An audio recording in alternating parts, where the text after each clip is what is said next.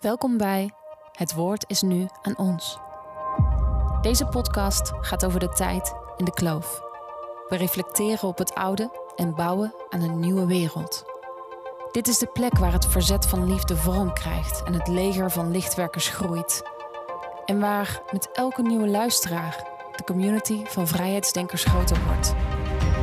Dit is de galerij van de ziel. Transformeer met me mee en luister naar eigenwijze verhalen van wakkere harten. En word deel van de tribe van Rising People. Ik ben Stefanie Vatta en dit is Het Woord is nu aan ons. Welkom lieve luisteraars bij een nieuwe aflevering van Het Woord is nu aan ons. Ik zit tegenover de prachtige Leona Dalia Marchena. Welkom, Leona. Dankjewel. Wat fijn dat je er bent. Ja, ik ben lekker bij je thuis in Dordrecht. Ja, thuis en in mijn praktijk. Dus ik heb uh, alles, uh, alles uh, gemixt bij elkaar. Dus we zitten hoog op twee hoog in Dordrecht. met een duif op de achtergrond. Ja, heerlijk hè? Je bent gewoon thuis. Je lief zit beneden te werken. Ja. En toch hebben je de stilte. Ja, godzijdank wel. Ja, een fijne plek hier. Ja, fijn dat je er bent. Ja, dankjewel. Ja. Ja, ik had er ook echt enorm veel zin in. Ja. maar ik wil eigenlijk even starten met iets nieuws. Um, want ik... Uh, het is helemaal niet spannend hoor, Leona. duk, duk, duk, ja. ik had een, uh, een mooie podcast beluisterd. Sacred Sons heet het. Mm. Uh, en daar leerde ik weer veel van over de mannelijke energie... en wat mannen allemaal doen in mannencirkels. Heel gaaf om te luisteren. En die mannen die checken altijd even bij zichzelf in. En dat vond ik eigenlijk wel een leuk experiment om dat ook eens vandaag te proberen. Gewoon even in te checken van, oké, okay, hoe gaat het nu met je? Mm. Wat, wat speelt er? Wat voel je? En kunnen dat, uh, wil je daarmee beginnen?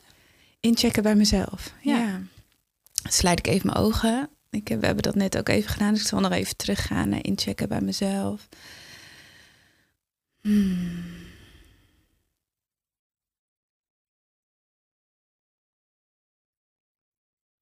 Hmm. Um, het wordt gelijk stil, dat is fijn. Hmm. Ik voel de energie in mijn lijf stromen. Ik voel me verbonden en aanwezig. Nog niet helemaal gedragen, volgens mij. Mm, maar ik voel wel een duidelijk lijntje met, uh, nou ja, God of de bron, of hoe je het ook wil noemen. We maken dat soms zo ingewikkeld, hoe we dat willen noemen. Maar voor mij is er een ultieme waarheid ergens. De oorsprong van ons bestaan. Ja, en dat voel ik heel sterk hier. In mij ook. Ja. Dat is wel even wat er nu is, denk ik. Ja. Ja, heerlijk. Je bent ook zo heerlijk kalm als ik dan binnenkom. Kom ik hier als een welvoortstorm zo van, ja, ik heb er zin in. en je bent ook enthousiast, maar ook zo rustig. Heel fijn. Is dat altijd zo geweest? Oh, dan begin ik meteen. Ik moest ook nog even inchecken. Oh ja. Um, ja, geen goed experiment voor mij. Hoe was, hoe was, jouw, hoe was jouw incheck?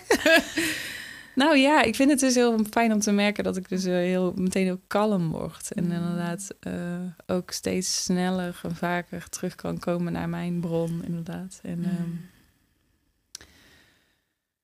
ja, en er speelt heel veel. Ik had het, ik had het natuurlijk net al even kort bij je uh, kort aan je verteld dat wij het thuis heel erg druk hebben met het bedrijf van mijn man. En, uh, dus het is een allemaal druk plannen. Maar ik ja, ben zo blij dat ik vandaag heb gekozen voor mezelf en voor de podcast. En om met jou hier te zijn.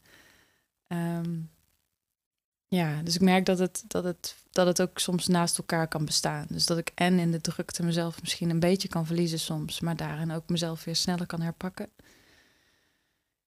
En tegelijkertijd um, ook weer heel snel terug kan gaan naar mezelf en naar wat ik wil zijn en waar ik wil zijn. En, uh, en dat beloont zichzelf meteen vandaag. Dit is een cadeautje.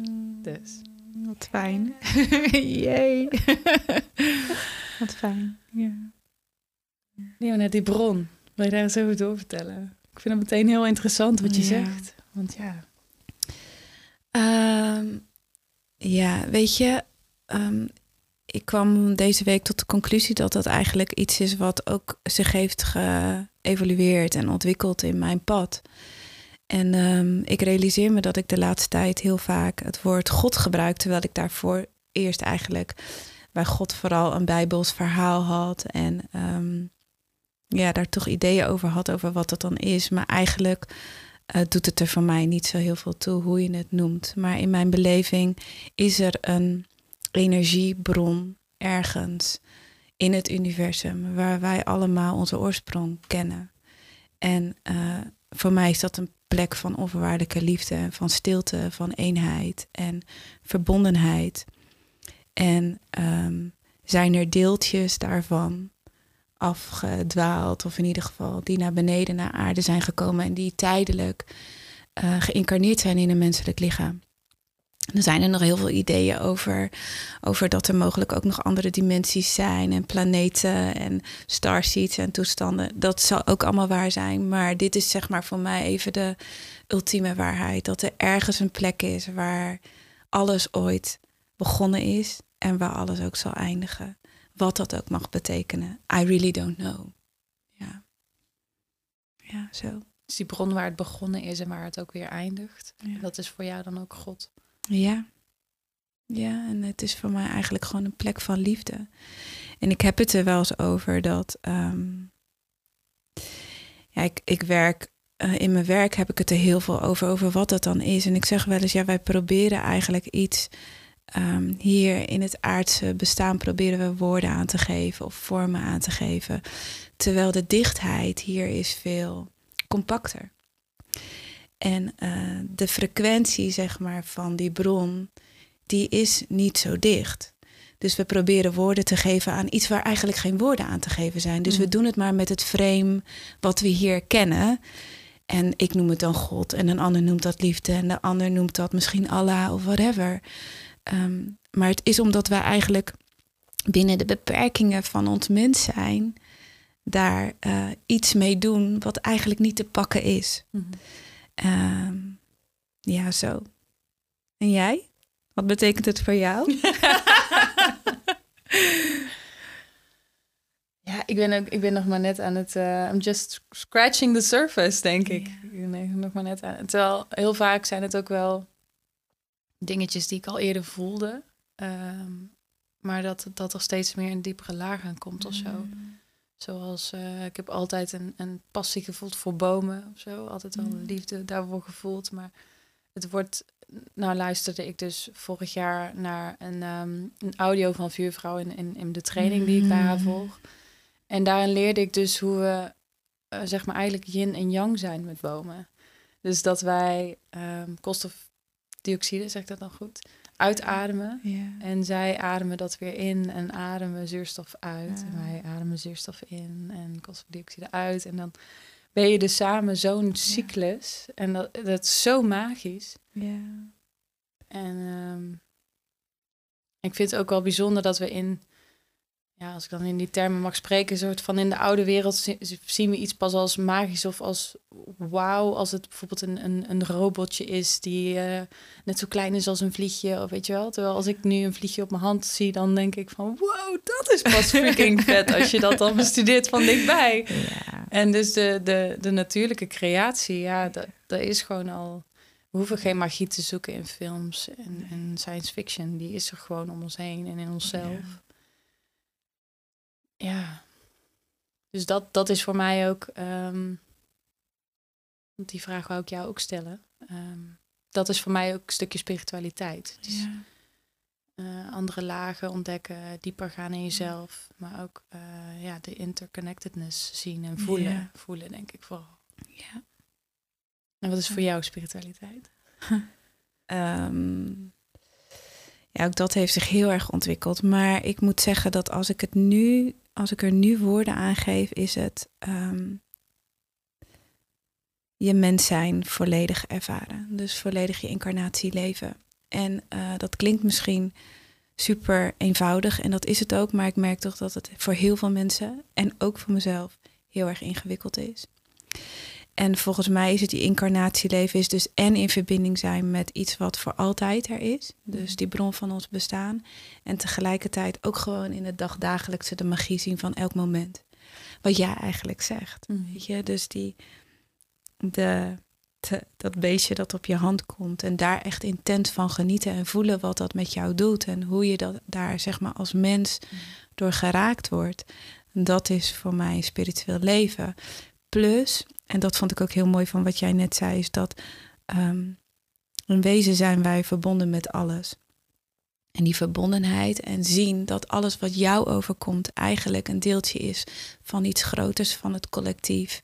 Dat dat ook in de bomen te zien is, dat dat ook terug te vinden is in de mensen naast je. Dat iedereen eigenlijk een spiegel is van wat er in jou gebeurt. Mhm. Ehm, dat is voor mij spiritualiteit. Ehm, inmiddels. Maar vraag het me over een jaar. En dan kan het ook weer anders zijn. Ja. Ehm, dat is misschien ook wel de grote les van dit pad wat ik bewandel. Is dat ik tot de conclusie kom. Is dat ik eigenlijk gewoon helemaal niks weet. Dus dat ik iedere keer weer opnieuw een waarheid formuleer. En eh, op dat moment ook echt voel alsof dat dat waarheid is. Maar dat dat ook echt mee beweegt. En dat je leert. En dat die waarheid mag veranderen. Mhm. Ehm, en dat die groter en kleiner kan worden, voor zover er ook een groter en kleiner kan zijn. Ja, Dat is natuurlijk ook meteen een mooie les voor hoe we omgaan met anderen om ons heen. Hè? Dat dus iedereen inderdaad zijn eigen waarheid Ja. beleeft. ja. Hoe ingewikkeld dat soms ook is. Want ik denk dat eh, juist in deze tijd worden de verschillen zo scherp dat het Mhm. soms heel lastig kan zijn. Ehm, maar ja, je- ja, er is Ja. op dit moment maar één, ja, inderdaad één waarheid voor jouzelf. Maar goed, het, zit, het zit natuurlijk ook wel in eh, waar, we, waar we ons natuurlijk mee bezighouden op dit pad van spiritualiteit, maar ook persoonlijke ontwikkeling, is natuurlijk ook om eh, te oefenen om steeds eerlijker naar jezelf te zijn. Mhm. En daar zit natuurlijk ook wel een sleutel tot waardoor je persoonlijke ontwikkeling veel snellere vaart kan doormaken. En waardoor je veel sneller tot de bron kan komen en in echt in contact kan zijn met elkaar. Dat is helemaal waar. Ja, weet je, ik moet zeggen dat. Ehm, ik denk dat dat eigenlijk dit pad bewandelen, als ik naar mezelf kijk. Dus ik, heb, ik ben nu een paar jaar op dit pad. Ik ben met heel veel mensen ook. Godzijdank heb ik mee mogen reizen. Maar eigenlijk in essentie doe ik het, denk ik, gewoon voor mezelf. Ja, ja. Dus ehm, gaat het om de groei in mij, heler worden, completer worden. Al die delen van mezelf te zien en te voelen die ooit beschadigd zijn geraakt op de reis die ik tot dit moment heb gehad. Mhm. En omdat ik dus geloof in dat spiritualiteit gaat over dat het alles wat ik doe, dat het invloed heeft op iets groters, eh, is het altijd een wisselwerking. Hè, dus als ik eerlijk ben naar mezelf, ben ik ook eerlijk naar de wereld. En als ik eerlijk ben naar mezelf, dan ontmoet ik ook mensen die eerlijk naar zichzelf willen zijn. Zo werkt het volgens mij. Dus het is ehm, het innerlijke werk blijven doen. Dus iedere keer naar binnen blijven kijken. Dat dient gewoon een groter goed. Ehm, tenminste, dat is mijn ervaring. Ja, zo Ja. voel ik hem ook. Ja. En ehm, ik vind die ook heel interessant, omdat ik zelf dus de switch heb gemaakt van dat ik tien jaar lang een heel gedreven ambtenaar en politicus was die de wereld wilde verbeteren. En, ehm, en nu dus merk van ja, fuck, het, het voelt zo raar en, en het klinkt egoïstisch, maar het begint eigenlijk echt bij mij en, en in mijn wereldje. En het is zo'n rare switch. Ja. Ja, en, en dat, En zo vonden wij elkaar ook Ja. een beetje. nou ja, hij was dubbel. En de, dus ehm, onze ontmoeting was, ik, ik voelde meteen een klik. Ja. Echt 100%. Ja. En dat ik dus, hè, en dat is die, die interconnectedness, weet je wel. Dat je dus, en die- vind ik echt heel magisch en bijzonder. Ja. Dat je dus meteen kan voelen van, ja, eigenlijk ook wat je net zei, van nou, dan ontmoet je ook mensen die eerlijk zijn. En Mm. wij, wij konden meteen eerlijk zijn en dat was het gewoon. En, ehm, ehm, en dan is het ook gewoon goed, hè? Als je elkaar dan over een paar jaar ziet, is het gewoon nog steeds, Ja. snap je? Eh, ja. Ja. Ik kan niet zo goed uitleggen wat dat, dan, wat dat dan is, maar het is wel bijzonder. Ja, ik geloof dat we ook wel het soort van afspraakjes maken daarboven over ontmoetingen met onze zielsfamilie, zeg maar. En ehm, ja, en dat je gewoon direct elkaar herkent.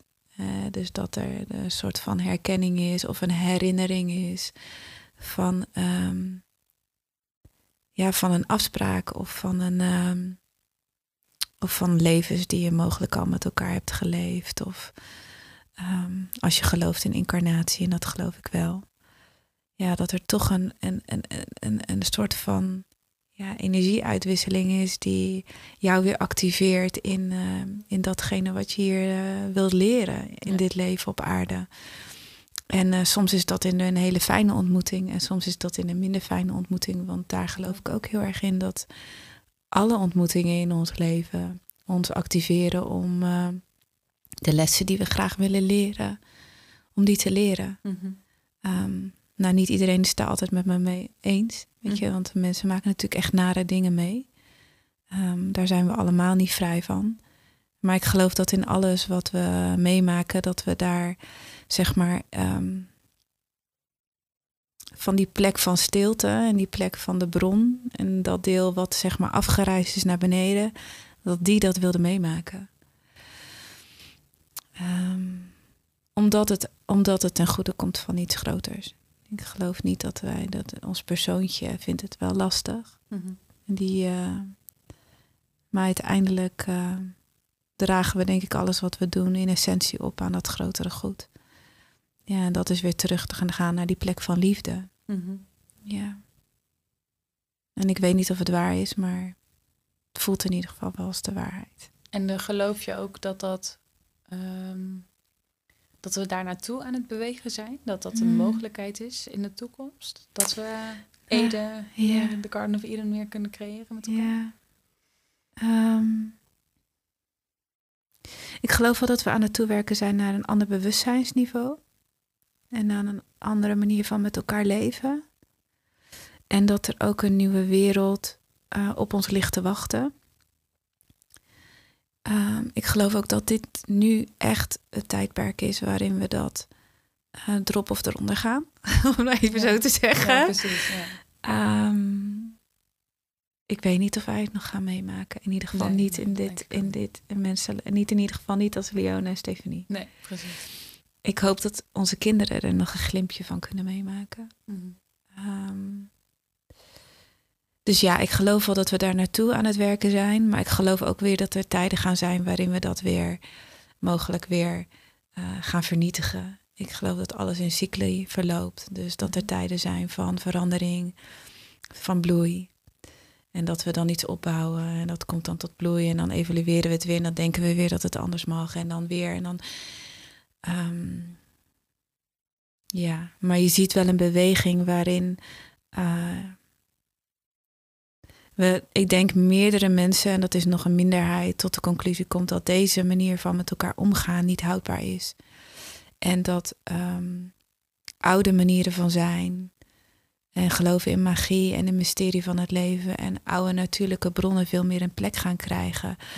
Um, omdat we gewoon, ja, denk ik, elkaar een beetje aan het uh, kapot maken zijn. Maar er is ook een heel groot deel die daar nog niet, of nog niet, wil ik niet eens zeggen, maar die daar niet is. Um, ja. En jij? Hoe zie jij het? Ja, ik kan me daar wel voor een heel groot deel in vinden. Ik denk dat het um, een hoop generaties kan duren, inderdaad. Mm. Uh, en dat het uh, voor mijn gevoel ook al erop of eronder is. Ik, ik weet niet welke kant het op gaat. En uh, het doet er ook niet zo heel erg veel toe. Want ik voel ook wel, ik heb geen herinneringen aan vorige levens. Het, um, het speelt nog helemaal niet heel erg. Uh, maar ik, ik geloof er ook wel in dat op de een of andere manier heb ik ook wel een soort van klik daarmee. Zo van ja, dit is maar gewoon een leven. dat is zo geruststellend en zo lekker. ja. Dus, en ook dat relativeert weer zo van, ook al is het is het niet waar. Het boeit niet, want het maakt dit bestaan veel fijner. Dus, nou, weet je wel? Ja. En dan, ja, dan denk ik ook meteen aan verslavingen. Zo van, want daar daar, dat speelt nu een beetje eh, omdat ik op retraite ga. En dan Mm. word ik uitgedaagd om mijn verslaving aan te kijken door op een soort van detox te gaan. Nou, ik heb er echt enorm veel, bizar veel. Want het zit ook in tv kijken. Het zit Ja. ook in informatie tot je krijgen. Het zit er zelfs in nagelbijten en, Ja. en zoveel dingen. Ja. Ehm, en, en dat vind ik wel een verschil met... dient het je ook echt of niet? Weet je Mm. wel? Het dient mij wel echt om, om te voelen van... oké, dit is maar een fractie. Dit menselijk bestaan is maar een fractie van wat er Ja. is. Ehm, ook al kan ik nog niet bevatten wat het wel is, doet er Mm. niet toe. Maar hè, die verslavingen in dit leven, ja, dat zijn wel echt dingen die afleiden. Ja. Dingen die even verdoven. Ja. En dus niet, eh, en, en daarna is het weer weg. En dan, Mm. weet je wel? Mm. Does it make any sense? Ja, het does. Ja, mijn, eh, in mijn systeem gebeurde er gewoon. het- Ik, er zit heel veel herkenning in. En ehm, ik vind het ook wel interessant hoe we, hoe we onszelf continu saboteren om gewoon terug te gaan naar een plek van vrede. Ehm, omdat ik denk dat we in essentie dat gewoon ook helemaal niet leren. Even als we kijken naar het onderwijssysteem, tenminste de meeste onderwijssystemen, die zijn er niet op gericht om gewoon eh, überhaupt gewoon even stilte te hebben en te voelen van, oh ja, weet je, dat is gewoon een plek waar gewoon alles goed is. Ja. Dus je hoeft niet de nagel bijten, je hoeft niet met iemand te praten. Je kan gewoon even in die tijd tussen het ene en het ander kan je gewoon even veilig zijn.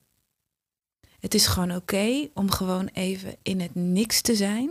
Ja, gewoon te zijn. Ja, in die, in die bodemloosheid eigenlijk.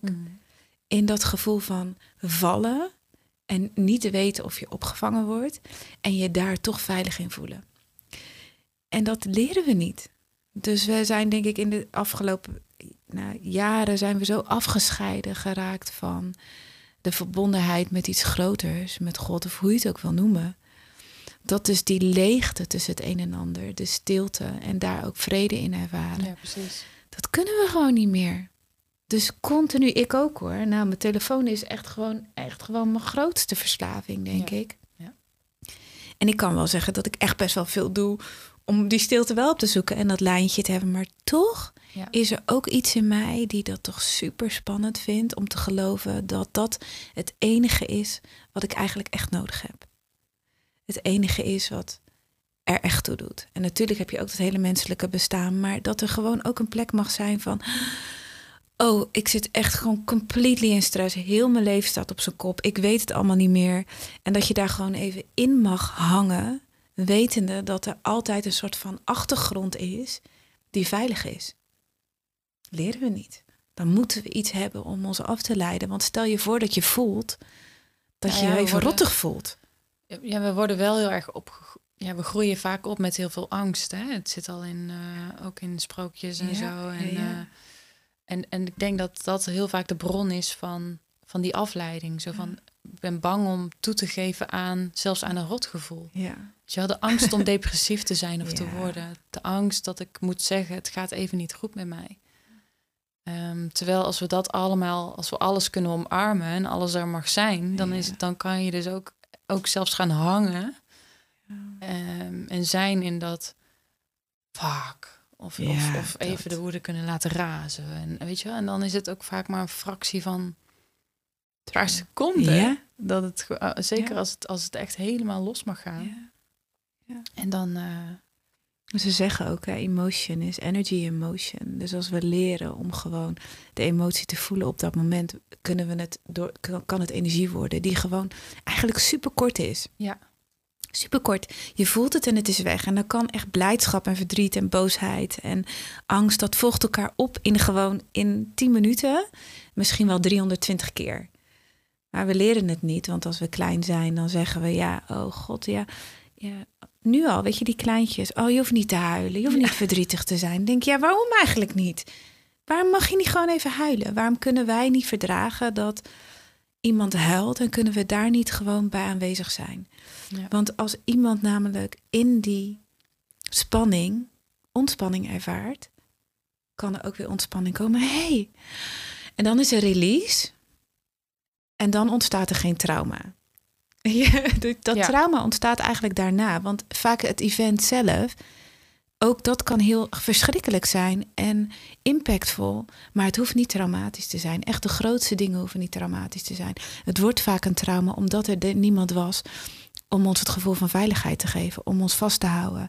En dat gevoel van, oh, ik moet het dan alleen doen als ik het moeilijk heb, of het mag er niet zijn als ik moeilijk heb, dat creëert trauma. Ja, ja, absoluut. Dat creëert trauma. Ja, Of dus de angst dat het weer een keer gebeurt, of de angst dat, ja. Ja, ja. ja dus dat is. Um... Nou, ik denk dat we daar wel echt een wereld te winnen hebben als we dat anders doen. Met onze kinderen, voor onze kinderen. Um, en voor onszelf ook. Weet je, ik denk dat we dat nu al aan het doen zijn. Maar als we het kleine, jonge kinderen al leren dat alles gewoon, weet je, eigenlijk alle emotie heilig is. Um, al het leven heilig is. Dat eigenlijk ons menselijk bestaan heilig is. Ja, dan denk ik dat er wel zo'n nieuwe wereld kan komen. Mhm. ja, dan denk ik dat er wel zo'n nieuwe wereld kan komen. Ja. Ja, en die, die gedragenheid, ja, die is wel heel mooi. Want dat eh, zei je ook even bij de incheck, van ik voel me nog niet helemaal gedragen. Nee, ja. Dat is een themaatje. Dus um, er is iets in mij die uh, toch wel heel spannend vindt om gewoon helemaal mens te zijn. en um, dus mijn neiging is om uit te checken. Dus ik ben geneigd om dan een beetje uit mijn lijf te gaan en niet helemaal, zeg maar, echt het onderste deel van mijn lijf te voelen. Dus echt ook mijn billen te voelen en mijn baarmoeder te voelen. En te voelen dat ik, ehm, dat hoe zwaar of ik het ook heb, of hoe licht ik me ook voel, dat er altijd een soort van basis en ondergrond is. Die moeder van alle moeders, weet je moeder aarde, die gewoon zegt, ja, je, ik ben er wel, ik draag je wel. Dus daar mag, ik, daar mag ik altijd bewust op invoelen. En daar mag ik ook altijd bewust aandacht aan besteden. Om uh, me echt veilig te voelen in dat menselijke lijf. Um, dus altijd als ik het een beetje spannend heb, dus zo'n podcast opnemen met een microfoon, tuurlijk, dan, dan is altijd mijn eerste reflex meer zeg maar de energie naar boven brengen dan naar beneden. Hm. Dus dat kon ik, uh, dat kon ik voelen. Um, hoe kom je zover? Er zit best wel veel research, denk ik, aan vooraf gegaan om zover te komen. Dat je meteen voelt, oh. hey, dit stuk van mijn lijf. Ik denk dat veel mensen nog denken van, hey, waar heeft ze het over? Ja. Toch? Ik bedoel, dat, daar kom je niet van de een op de andere dag. Nee. Ja, er zit echt wel heel veel werk in. Dus dat, um, En misschien ook meteen een leuk bruggetje naar die andere klik die we inderdaad hadden. Want jij bent dus gegaan van ambtenaar naar ja. shamaan, ja. Energetisch therapeut, ja. heks, healer. Al die dingen. um, ja, jeetje. Ja, ik heb dus een um, geschiedenis als ambtenaar. Kom maar uit de kast leren. Ja, en is, weet je, ik, de laatste tijd begin ik het ook steeds meer te waarderen, omdat ik ook wel zie dat het me, het heeft me ook heel veel gebracht. Ik heb een periode gehad dat ik echt heel erg weerstand erop had op het systeem. En dat ik dacht, hoe kon ik dat ooit nou gedaan hebben? Zo ver van mezelf af. Maar wow, I learned a lot. Weet je wel, het was echt. Ehm, ik zie het nu als heel dankbaar dat ik ook op die manier heb kunnen interacteren met mensen en ook het systeem van dichtbij heb kunnen zien. De, uh, de verschrikkelijke kant, maar het heeft me ook heel veel gebracht. Um, maar goed, ik ben dus na mijn studie culturele antropologie. Dus toen was ik nog wel ergens, was ik dus wel al een beetje zo in dat uh, shamanistische werk toch wel betrokken. Maar toen werd ik beleidsambtenaar, want ik wilde de wereld redden. En ik dacht, dat kan wel via zo'n gemeentebaantje. Nou, niks als minder waar. Ik werd natuurlijk direct in dat systeem gedrukt. En ik weet nog een van de eerste vergaderingen. En er werd me toch een jargon over die tafel gegooid. En toen dacht ik, ik ben echt dom. Ik weet echt niks. Waar gaat het hier over? En toen ben ik me steeds meer gaan confirmeren aan dat wat ik dacht dat ik moest zijn. Ik was, denk ik, 25 of zo. Dus ik was niet eens zo heel jong, maar ook nog wel jong. En ook wel een beetje bleut. En uh, nou ja, ik ging dus dat leven leiden. En ik dacht, ja, daar moet je toch heel gelukkig van worden. Want iedereen ziet er toch heel gelukkig uit. En ik had een geliefde. En nou ja, ik had alles waarvan ik dacht, nou, dan, dat is, de, de dat is mijn ticket naar geluk. Weet je wel, dat heb ik me geleerd vroeger. Ja, Als je dat doet, dat is je ticket naar geluk. Maar ik voelde toch altijd zo'n ah, zo'n leegte, weet je wel? Zo'n, hmm, is dit alles gevoel? Maar ik vond natuurlijk dat dat er niet mocht zijn, want ja, ik had toch een leuk leven. Uh, en toen, um, nou eigenlijk begon mijn proces van wakker worden, denk ik, toen ik, wij graag een kindje wilden. En uh, nou, dat ging niet zo makkelijk. En toen was ik echt nog helemaal niet bezig met spiritualiteit of persoonlijke ontwikkeling. Ik had nog niks gedaan aan helingswerk of aan therapie of whatever.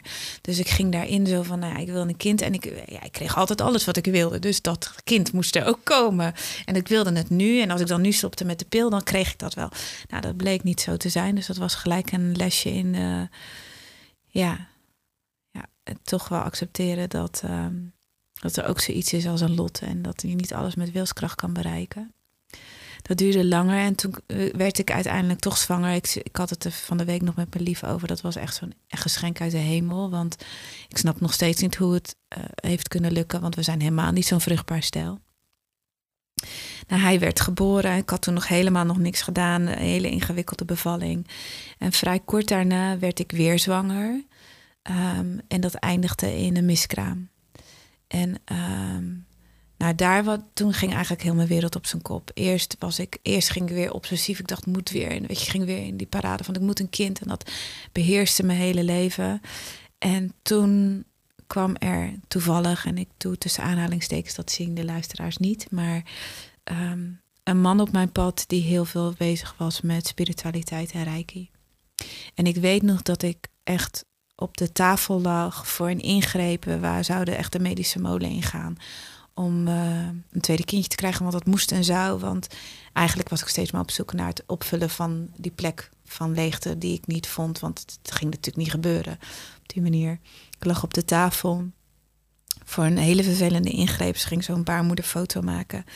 En um, direct daarna kwam ik dus in contact met die man. En toen ja, toen werd ik zo wakker geschud. En ik realiseerde me dat, ja, dat ik eigenlijk gewoon helemaal obsessief bezig was met een leegte opvullen in mij, die eigenlijk gewoon via een andere route opgevuld kon worden. Want ik voelde het gelijk. Dus ik kon gelijk die energetische uitwisseling voelen. Ik kon gelijk voelen dat er een bron van liefde was. En gebeurde, het activeerde iets in mij waarvan ik dacht van... wow, wat de fuck is dit? Dit is waar ik nou op zoek was dit is waar ik eigenlijk gewoon via al die zoektochten helemaal desperately naar op zoek was. Ik had geen idee dat dat het was. En ik voelde ook gelijk dat er een heel, hele grote zeg maar, modderpoel aan daddy open ging. Waarvan ik dacht, wow, het is misschien goed dat ik hier eens even naar ga kijken. En toen ben ik ook pas, um, ik heb een verleden met seksueel misbruik toen ik jong was. Toen ben ik dat pas gaan verwerken. Um, en toen is het balletje gaan rollen. Toen ben ik zelf Reiki gaan.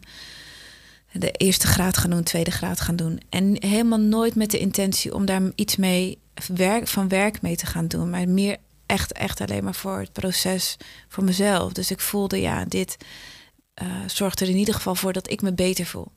dus dat ik voel dat, er, ik, dat mijn leven zin heeft. En dat ik hier wat te doen heb op aarde. I don't know what. Maar um, ja, en dat ontwikkelde zich door. Voordat ik het wist, ging ik een rijke practitioner doen. Toen ging ik een praktijk starten, wat ik eigenlijk nooit wilde. En toen dacht ik, nou ja, dan doe ik dat twee keer in de maand. Als er dan iemand komt, hartstikke leuk. Ja, twee keer in de maand werd twee keer in de week. En op een gegeven moment was ik nog meer opleiding aan het doen. En het ontwikkelde zich door. Ja, inmiddels um, ben ik anderhalf jaar helemaal ambtenaar af. Dat heb ik heel rustig afgebouwd. Het ging steeds minder daar werken steeds meer in mijn praktijk werken. Steeds nog een beetje minder, nog een beetje minder. op een gegeven moment dacht ik, ja, weet je, ehm, volgens mij is het nu wel een keer tijd om gewoon echt te gaan staan voor uh, de waarheid. In ieder geval de waarheid uh, zoals die nu voor jou is. En dat is in ieder geval niet meer dat ambtelijke bestaan. Daar was ik al een hele tijd van weg. Maar goed, in, in mij zat nog zoiets van ja, het is ook wel lekker en nog financiële zekerheid. En Um, dat waren natuurlijk allemaal verhaaltjes. Ik vond het heel spannend om gewoon echt die volste potentie te gaan leven. En nu. Waar was je bang voor? Um, afwijzing, denk ik. Um, ja. Ik denk dat afwijzing en daarmee dood, want dat is denk ik altijd de achterliggende angst van alles. dus afgestoten of uitgestoten worden door, ehm, denk misschien wel mijn familie. Mm. Ehm, dat ik toch wel een beetje een gekkie was. Dus echt een gekkie. Dus niet een B, halve gekkie. Die ook nog ambtenaar is, maar een hele gekkie. Ja. ja, ja, ja, ja, Ja, een hele gekkie. Ehm, en, Nou is ze eh, echt doorgedraaid. ja, nou is ze echt nou, nou, really- En misschien vond ik dat zelf ook wel een beetje. Want, ik, je, want ik geloof niet dat... Dus ik denk dat er ergens nog iets in mij was die zei van... joh, we gaan je echt, echt gewoon helemaal volledig in die... eh, in die vrouw... Ja, ja. ja. terwijl ik echt heel goed weet... ik vind dit helemaal niet zweverig. Ik vind eigenlijk datgene wat wij doen super aards. Want... ehm, het is zo verbonden met alles en de natuur en met het menselijk lichaam. Al het werk wat ik hier doe gaat over het voelen van het lijf. Terwijl ik denk dat een heel groot deel van de wereld echt alleen maar het bovenste regionen van hun eh, menselijke capaciteit gebruiken. Dat het hoofd, weet je, dat vind ik zweverig. Eh, maar goed, ik weet ook dat er, er, er ehm, een hele grote groep is die dat toch net even anders zien. Ehm, maar als ik nu zie waar wij ook als familie doorheen zijn bewogen, niet alleen hier thuis. Ik heb godzijdank een fantastische lief die super spiritueel is en een kind die eh, mij elke dag wat leert over hoe de kosmos werkt. Maar meer mijn moeder en mijn vader. En ja, daar hebben we echt ook wel behoorlijk wat eh, stukken doorgewerkt om eh, ja, voorbij ook schaamte en oordelen van familie te komen. Voorbij oude overtuigingen. Veel, veel, veel voorouderlijke pijn en trauma die echt ook allemaal doorgegeven is. Die ik nu ook voel dat die ah, een beetje aan het oplossen zijn. Weet je wel? Dat ik echt denk, oh, nu begint daar echt ruimte en beweging in te komen om ehm, ja, al die oude patronen gewoon te laten voor wat ze zijn. Ja, dat is mooi. Ja, dat Zo. is heel mooi. Ja, dat is mooi. Hoe is dat zo eh, gekomen dan? Dat je de rest van je familie Ja. ook in dit proces zijn meegegaan? Ja, ik heb godzijdank een hele liefdevolle relatie met mijn ouders. En natuurlijk heb ik ook dingen allemaal te- tekort gehad, weet je, dat hebben we allemaal. Maar ehm, er is denk ik een soort van verbond tussen ons die zegt dat we altijd bij elkaar blijven. Dus ook als we het moeilijk hebben. Ehm, dus we hebben een hele ehm, ja, soort van ongeschreven regel dat we altijd blijven communiceren. En dat we, mijn moeder is echt, ik zat vanochtend aan haar te denken, ik denk zij is gewoon echt gewoon een fantastische vrouw. Zij heeft echt het vermogen om echt liefde te leven. Ik weet niet eens of ze dat zelf zo weet. Als ik het zeg, raakt het me eigenlijk echt dat zij. En ze is helemaal niet spiritueel, maar zij snapt echt de practice van liefde zijn. En eh, dus zij accepteert gewoon niet dat, hoe ingewikkeld we het ook hebben, dat we elkaar verliezen. Dus we zijn altijd met elkaar dicht bij elkaar gebleven. Ja, het raakt jou ook, hè? ja, ja. Ja, mij ook. Ja. En ik kwam vanochtend tot het inzicht. Want ik heb heel vaak ben ik ook zo heb ik zo strijd met haar gehad over alles wat ze me door had gegeven. Was ik heel boos over. Maar nu snap, nu zie ik het. eh, nu zie en voel ik het echt. Ja. Dus, dus ze dulden het niet. En ehm, dus wat er ook gebeurde, we moesten elkaar verdragen. We moesten elkaar verdragen. Ja. Sorry. ja, wat raakt je zo? Wat raakt je zo? Ehm, ja, ik vind, de, ik vind de relatie met mijn ouders af en toe best wel ingewikkeld. En ik heel veel voelt als hetzelfde. Ik, ik, heb, ze- ik heb zelf dat ook met mijn ouders heel sterk. Dat ik denk, ja, die, die liefde is zo verschrikkelijk sterk. En ik heb altijd zo vreselijk veel liefde en nog steeds van ze gehad. En daar ben ik ze zo dankbaar voor. En dat, ja, dat is gewoon een uitwisseling, weet je wel. Dat voel ik ook voor hun. En toch kiezen we er eigenlijk heel vaak voor om over van alles niet te praten. Dus alles wat moeilijk is, dat, dat bespreken we dan maar niet. Ehm, en eh, ergens vind ik het misschien ook wel... Ja, soms vind ik het ook oké. omdat ik dan in ieder geval de basis blijf voelen van die liefde, weet je wel. Als het voor hun te ingewikkeld of te pijnlijk is om Mhm. dingen te bespreken... dan, ja, dan kan ik daar ook wel...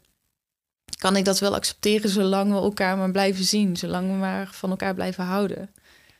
En, want ja, wat je zegt ook van ja, je moeder is niet spiritueel, maar eigenlijk dus in de kern wel heel erg. Omdat Heel ze dus, erg. Ja, omdat ze dus heel die, erg. die liefde leeft. En dat is natuurlijk de kern daarvan. Dus ehm, ja, misschien is dat ook wel het, het antwoord, weet je wel. Dan hoeven we misschien helemaal niet over de meningsverschillen te praten. Dan hoeven we niet te bespreken dat ik een neuspiercing heb laten zetten. En dat, maar, dat ik weet dat ze het vreselijk vinden. En, en weet je wel, een paar jaar geleden was mijn moeder in, in tranen uitgebarsten. En was ze woedend omdat ik een paar stipjes eh, had laten tatoeëren op mijn arm. Mm. En, en nu zegt ze niks meer en blijft ze me wel gewoon... Helaas niet fysiek, want dat, dat raakt me dan ook wel. Dat we Mm. elkaar al eh, fysiek ruim anderhalf jaar niet hebben aangeraakt. Maar ehm, in, in al het, alles wat we... In hoe we met elkaar omgaan, is er, is er wel die omhelzing. Is er wel die, die acceptatie en, en die liefde, weet je wel? Dat we... We agree to disagree, denk ik. Ja, Denk ik, ja. mooi. Een mooi inzicht. ja. Ja, ik, ehm, ik heb heel veel gevochten en ook heel veel gedacht dat ik dan iets moest bewijzen en me moest verdedigen. En ehm, ook heel erg, weet je dan kon ik ergens zijn, dan heel erg ook. Een periode dat ik heel erg streng was op mijn eten. En ik realiseerde me uiteindelijk dat ik dat datgene wat ik zo hard wilde zijn richting de ander, dat dat eigenlijk een gevecht in mezelf was. En ehm, dat was helemaal niet nodig. Ik hoef alleen maar te zijn. Ik hoef alleen maar mezelf te zijn. Ik hoef het niet. Ik hoef er niet hard over te praten. Ik hoef mezelf niet te verdedigen. Ik hoef alleen maar het gewoon te leven. En daarmee, om op jouw vraag terug te komen, realiseer ik me nu, beweegt de rest mee.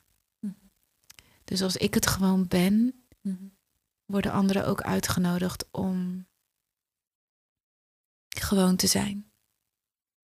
En ik denk dat als je gewoon bent, dat je altijd weer terugkomt naar die plek waar jij het over hebt. Mhm. Liefde. Dat er gewoon liefde is. En ehm, ik lag een tijdje geleden, was ik op een retreat in Portugal. En ehm, toen kregen we als opdracht mee om eh, ons te verbinden met de natuur. En dan moest je op een rots gaan liggen. en eh, op een gegeven moment eh, was ik zo in zo'n gesprekje met die rots. Ja, echt. Ja, dat is dan heel gek. Op een gegeven moment was ik één geworden met die rots. Ja, dit klinkt misschien een beetje gek, maar dat was wel zo. Dus Ja. het was één adem. En toen vroeg ik in stilte van wat, eh, welke boodschap, welke boodschap heb je nog van mij, rots? En ehm, die rots die zei, God is in alles. En ehm,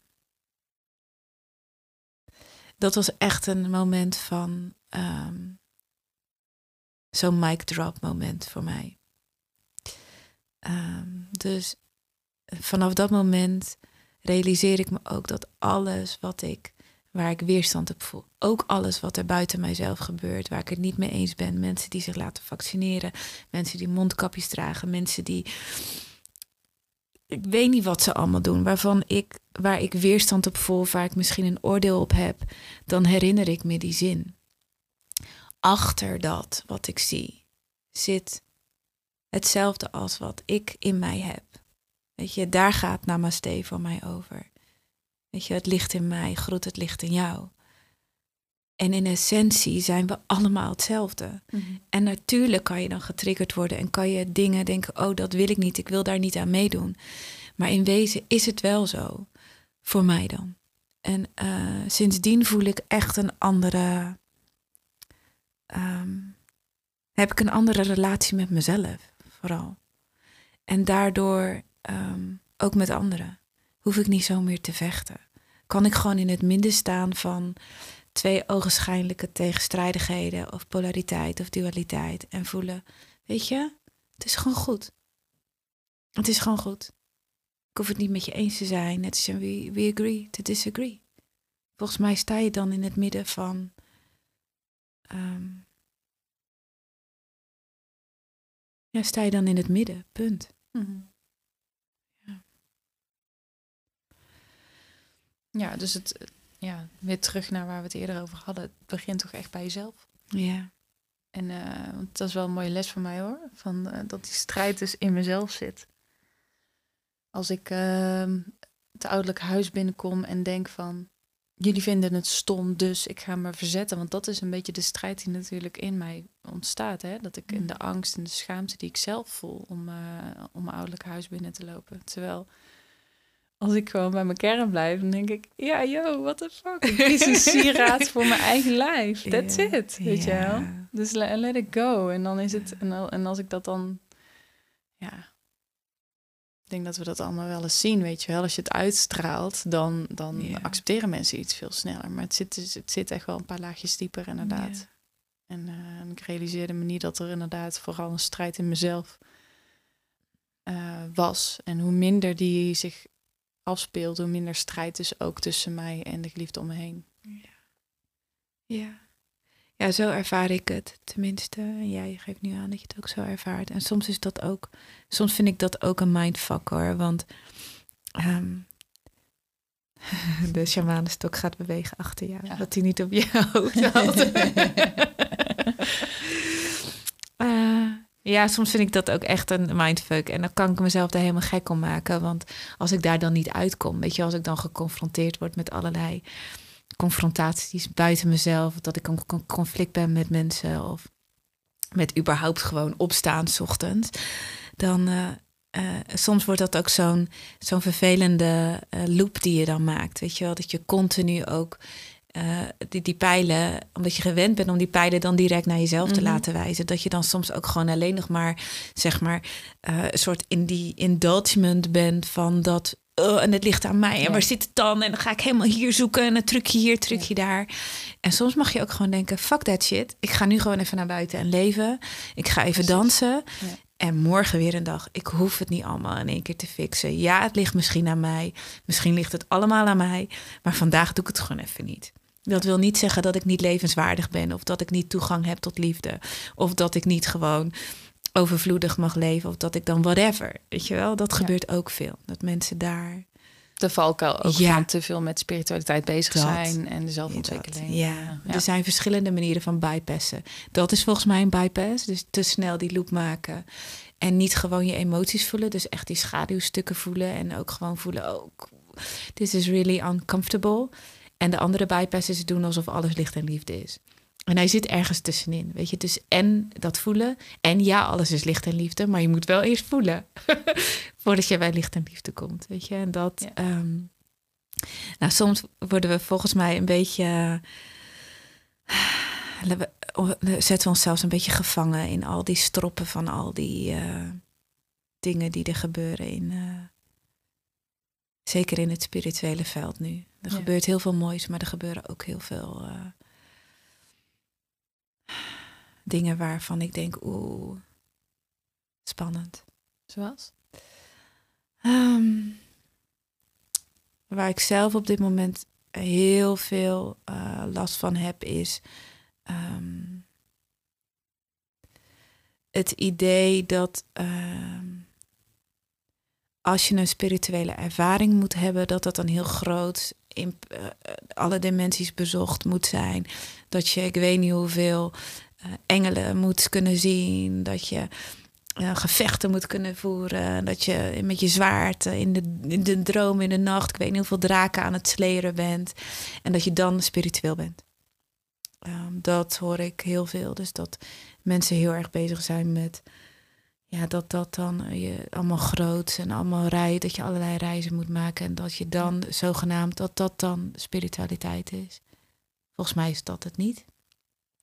Volgens mij gaat het er echt om dat je dus in het hier en nu bent. Dat je dus licht en liefde leeft hier in dat menselijke lijf. En hartstikke mooi als je al die dimensies kan bezoeken. Ik vind dat ook heel leuk.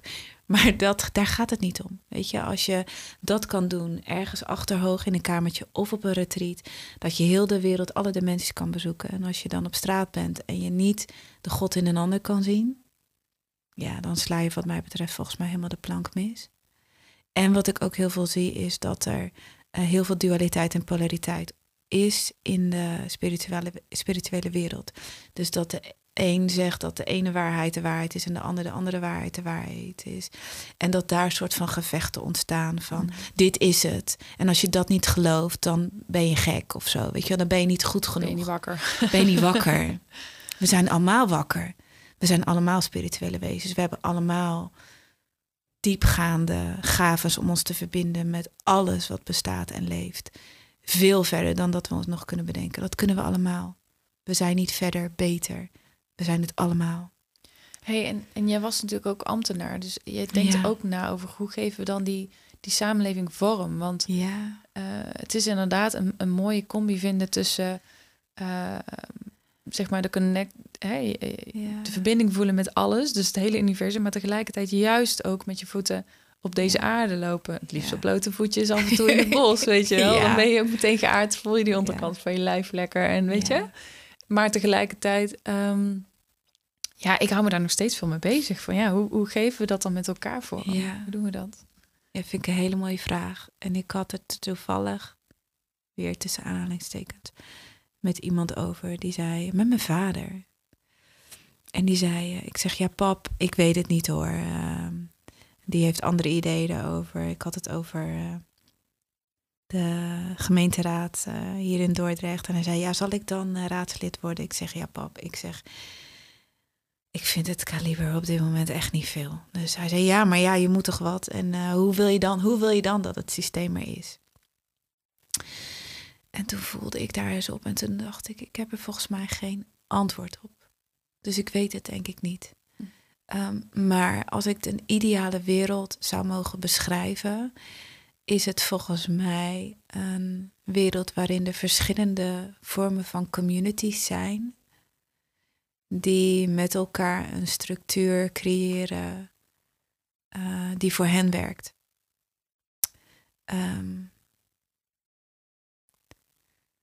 maar ik vind hem tegelijkertijd ook lastig, want je hebt in de geschiedenis ook heel veel gezien dat op het moment dat je die communities creëert en je met elkaar een soort van grenzen gaat maken over waar die communities zijn, en er uitwisseling mag gaan plaatsvinden tussen de ene community en de andere community, omdat eh, je misschien eh, bronvoorzieningen hebt die je bij de een en de ander wilt gebruiken, dat er dan toch regels nodig zijn en dat er dan iets overkoepelends nodig is. En het vereist denk ik wel een pretty fucking high consciousness en hoge vorm van liefde om dat echt te kunnen doen op een manier dat er geen conflict of oorlog of ongelijkheid gaat ontstaan. Ehm, dus ik heb er geen Precies antwoord dat. op. Ja. Ja. Nou ja, ik, en, En jij? nou ja, Ja, ik ben heel benieuwd naar jou, ja. dus ook heel erg over. En dan juist, ik fantaseer wel even, dus misschien een bypass die ik dan maak, over een Heerlijk. wereld waarin we met z'n allen juist inderdaad die consciousness hebben. Ja. Want dan kan het. Ja. En daar geloof ik dus in. ja. Als dat er is, ja, dan, dan is zeg maar een community ook als een levend organisme wat Ja. verschillende cycli doormaakt. En elk individu daar, daarbinnen ook zelf. En elke relatie daarbinnen. ehm, dus ja, dat, dat het gewoon in beweging is en blijft. ja. En dat je dus vanuit. eh, hè, en want dan, dan is eerlijkheid ook een, een soort van automatisch mechanisme. Dat je dus vanuit je. Eh, dat je gewoon heel eerlijk kan zeggen van, yo, ik heb dit nodig. En dat je gewoon heel eerlijk kan zien in de ogen van de ander, jij hebt dit nodig, je krijgt Ja. dit van mij. Ja. Heel grappig, toen gisteren, een van de voorleesboekjes van mijn zoontje is eh, het lied van John Lennon, van Mm. Imagine. En eh, Oh, mooi, ik krijg ik wel van. ja, het is echt bizar, want op een gegeven moment dan... Ik, ik heb zelf mijn ontwakening pas een tijdje geleden gehad, maar dan, dan lees je ineens de tekst van wat John Lennon schreef tig jaren geleden. Ja. En hij zag het gewoon al, hij voelde het al, hij Ja. snapte het. Want hij schrijft in dat liedje ook van... Imagine eh, dat er geen bezittingen meer zijn. Als het dan geen bezittingen meer zijn, dan is er dus toch ook geen... True. Is er niks om over te vechten. Ja. En dat, dat is denk ik, zeg maar, die basisbeginselen waar we naartoe moeten teruggaan. En dan zegt hij ook, you may say I'm a dreamer, but I'm not the only one. en dat is precies het gevoel dat ik kreeg toen ik het las en, en zong. En dat ik dacht, dat gevoel van herkenning, dat, dat, dat heb je dus soms met elkaar. Dat je denkt, ah, I'm not the only one, ik ben niet gek. ja. Ja, niet gek. Of we zijn met heel veel mensen een beetje gek. Ja. Ook goed. Ja. een beetje gek. Ik geloof ook dat je een beetje gek moet zijn. Ja, dus ik denk dat ehm, Ja, joy je- is ook zo onder, en, ja, onderdeel Ja. van het leven. Ja, weet je, we need the dreamers. En eh, ik weet niet hoe jij dat ervaart met eh, jou. eh, je hebt twee kinderen, hè? Twee zoons of niet? Mhm. Ja. Ja, mijn zoontje die snapt het gewoon. Weet je, die, die is een dreamer. Die, alles, alles. Hij heeft allemaal verzinfiguren. Alles is werkelijk mogelijk. En ik geloof ook echt dat de generaties na ons ook gewoon al veel meer, zeg maar, die wereld die jij beschrijft, dat zij daar al misschien wel dat ze het al leven. Precies. En dan hoef je dus niet meer die conditioneringen die ik heb. Weet je wel, zo van ja, hoe moet dat dan? Want ik weet nog het oude. Ja. En dat plak ik dan op iets nieuws. Maar als dat de enige werkelijkheid is, ja, why not? Weet je wel? Ja. Waarom zou dat dan niet zo kunnen zijn? En dan doet het er eigenlijk niet toe, want dat is een mindfuck, hè? Dat ik dan ga denken meteen van, ja, maar moet je kijken hoeveel mensen nog wel in de oude wereld Ja. leven. Maar laat dat maar gewoon. Als, als Ja. onze kinderen al in een nieuwe wereld kunnen leven, dan is het toch al gewoon, It's already happening. ja. Ja. It's already En happening. ik denk echt dat die kracht zo, zo groot is, dat dat niet anders kan dan dat dat gaat groeien. Ja. ja, en tegelijkertijd plopte dan ook gelijk bij mij in zo van... Ja, we denken dus dat we er iets voor moeten doen. Maar ik vraag me dus af of dat Ja. zo is. Ja. Eens. Weet je? Dus er is een hele beweging gaande die heel erg in de, in de, ook weer in die hele masculine energie zit van, dan gaan we iets doen en dan gaan we strijden en dan, wat nou als we eigenlijk helemaal niks hoeven doen? Als Mhm. we alleen maar gewoon hoeven leven Mhm. en dat het automatisch, als je toch gelooft in de cycli van ehm, ons bestaan en het universum en de kosmos en de aarde, dan gaat het sowieso wel gebeuren. Dit is even, ik, Ja. dit, ik, ik, ik zeg dit voor het eerst hoor, dus dit is zo'n aha-moment dat ik denk, hé, hey, waarom ga ik niet gewoon een beetje chillen dan de hele dag? Ja, Ja, eens. En ik wil niet zeggen, er is ook nog heel veel, er zijn ook gewoon veel mensen die het moeilijk hebben, die hulp nodig hebben of hulp zeggen hulp nodig te hebben. Maar de vraag is of dat dan. eh, we maken onszelf soms zo belangrijk dat we denken dat we echt. eh, dat het er echt toe doet. Het is en waar en ook niet waar. Nou ja, ik heb dus het onderscheid leren te maken tussen mijn helpersyndroom. en, eh, want dan maak ik mezelf belangrijk. Ja. Dan, dan is het om iets weer die leegte op te vullen. Ja. Zo van, ik ben pas goed genoeg als ik genoeg mensen help. Terwijl als ik dat zeg maar weet los te laten en eh, veel meer gewoon leef, zoals je net omschreef, dan komt dat helpen automatisch en dan komt dat vanuit overvloed. Ja, true. Want dat is gewoon in de kern wie ik ben en wat, wat elk mens is. Het willen geven en het willen... Ja, toch? ja, zeker. Ja, zeker. Ja. Ja, ik geloof het ook dat het gewoon een cyclus is en dat, dat we er gewoon... Dat, dat we in ieder geval vrij weinig invloed hebben op Ja. veel minder dan we, dan we denken te weten. Of, Ja. of dat veel minder dan we hopen dat we hebben. Ja. Ja. En, en mijn, mijn persoontje Leona, die gaat gelijk struks in de... Ja, maar dat kan toch niet? Weet je wel, het moet gewoon heel belangrijk zijn. En dat vind ik eigenlijk het mooie van het proces waar ik in zit. Is dat ik dus heel erg begin te accepteren dat het allebei waar is in hetzelfde moment. Dus en ja, je hoeft niks te doen, want het gebeurt toch wel. En ja, natuurlijk mag je wel wat doen. Ja. Om ook gewoon te, zelf te blijven bewegen en te leren en te groeien. En jezelf meer te ontdekken, de wereld verder te ontdekken. Eh, de magie van het leven eigenlijk gewoon ten volste toe te laten. En dat is allebei waar in hetzelfde moment. Soms dacht ik, of nou niet soms, ik heb heel lang gedacht dat het het een of het ander moet zijn. Maar wat nou als het gewoon allebei is? Dat geeft mij in ieder geval echt zoveel rust. Nou, absoluut. Ik heb juist geleerd dat hoe meer je dus kan overgeven, hè, waar we het net ook over hadden, over die emoties, van, dat die emoties dan maar veel kort, korter van duur Ja. zijn. En als je het dus vergelijkt met de seizoenen, als je dus eh, je even helemaal toestaat om te zijn in de winter, in die, in die stilte te zijn, dood te zijn, dan Ja. komt vanzelf die lente. Ja. En dan komt die misschien wel sneller. En in die lente dan komen weer nieuwe creaties. En in de zomer komen ze tot bloei.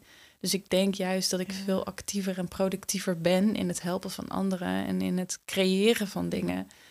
Uh, zoals een podcast. Weet je, misschien heeft mijn podcast meer impact dan, wat ik, dan de impact die ik had als wethouder. Who knows? Ja. We gaan het in ieder geval niet meer meten via smartdoelen. Daar zijn we klaar mee, toch? Die, die smartdoelen die, die smartdoelen die alleen maar geformuleerd werden omdat we smartdoelen moesten maken. En om ons vervolgens. Nou, ik vind het heel interessant wat die cyclus die jij benoemt, die, die hangt hier ook bij mij aan de muur. Dat kunnen de luisteraars ook niet zien, maar dat is wel heel mooi. Is dat ik gun echt elk, elk, elk bedrijf, maar ook elke gemeente om echt oprecht die cyclus te doorlopen. Want als je dat namelijk doet, weet je wel, gewoon echt dat begin van ja, weet je, er ontstaat iets, dat komt uit de grond, het komt vol tot bloei. Dan heb je zo'n even zo'n fase. Dan evalueer je, dan laat je doodgaan wat niet, niet, wat niet meer dient. Zodat je weer iets nieuws tot, tot nieuws tot bloei kan laten komen. Als we dat nou voor al die projecten binnen dat gemeenteland werkelijk ook zo, zo, zo zouden doen. Ja, volgens mij volgens mij kan, nou ik zou niet zeggen het systeem zoals het nu is, maar kan het in ieder geval veel meer goed doen dan wat het nu doet. Mm ik denk dat er heel veel, als ik kijk naar hoeveel ideeën er lagen, waar ook nog geld naartoe ging en waar dan niks mee gedaan werd. Ehm, ja, die, het was gewoon tijd om dood te gaan en om daar gewoon geen energie meer in te steken. Of ook in ieder geval, als er geen bewuste energie meer naartoe gaat, want dat gebeurt denk ik ook heel vaak, mhm. bewust iets afsluiten is ook heel belangrijk om ervoor te zorgen dat er geen energielekjes ergens op zijn. Want het is, het is er wel. Het ligt daar nog wel in die kast. Weet je, het is net als een vriendschap die je eigenlijk zegt van ja, het is een beetje doodgebloed en het zit me eigenlijk niet lekker. Eigenlijk zou ik nog een keer moeten bellen om het gewoon goed af te ronden. En dat doen we dan niet. Ja, maar het is ook wel goed zo. Nee, nee. nee, het is heel belangrijk om echt een hele duidelijke. Uh, om af en toe op te ruimen. Op te ruimen. Ja. Voor iedereen. Ja. Want iedereen voelt in de onderstroom dat er energetisch nog een soort van onzuivere uitwisseling is. Die jou beïnvloedt. Weet je, die ervoor zorgt dat jij eigenlijk niet gewoon in zijn compleetheid eigenlijk in je verticale as kunt zijn. Want je bent horizontaal nog allerlei lijntjes aan het bewegen. En ik denk dat wij gewoon continu, weet je, mensen noemen het alignment of mhm. hoe je het ook wil noemen. Doen waarvoor je op aarde bent gekomen, schakelt tussen hemel en aarde zijn verticale as. Dus volgens mij als je altijd je verticale as leeft en niet allemaal energetische lijntjes hebt die overal nog liggen, die nog entangled zijn in oude shit. Mm. Dus gewoon zeggen, oké, weet je, ik heb van je gehouden, maar nu, ik voel dat ik hier nu niet geen energie meer aan kan besteden, dan is hij weer schoon. Mhm. Ik vind dat soms zo moeilijk, maar dat is wel belangrijk. Dus ook voor al die dingen op de plank, als er ambtenaren zijn die luisteren. Wethouders zijn die luisteren. Hey, en wat is dan je grootste weerstand tegen het systeem wat we met elkaar zo mooi hebben opgebouwd? Hmm. Ik ga even, echt even, even goed opvoelen. Wat is mijn grootste weerstand?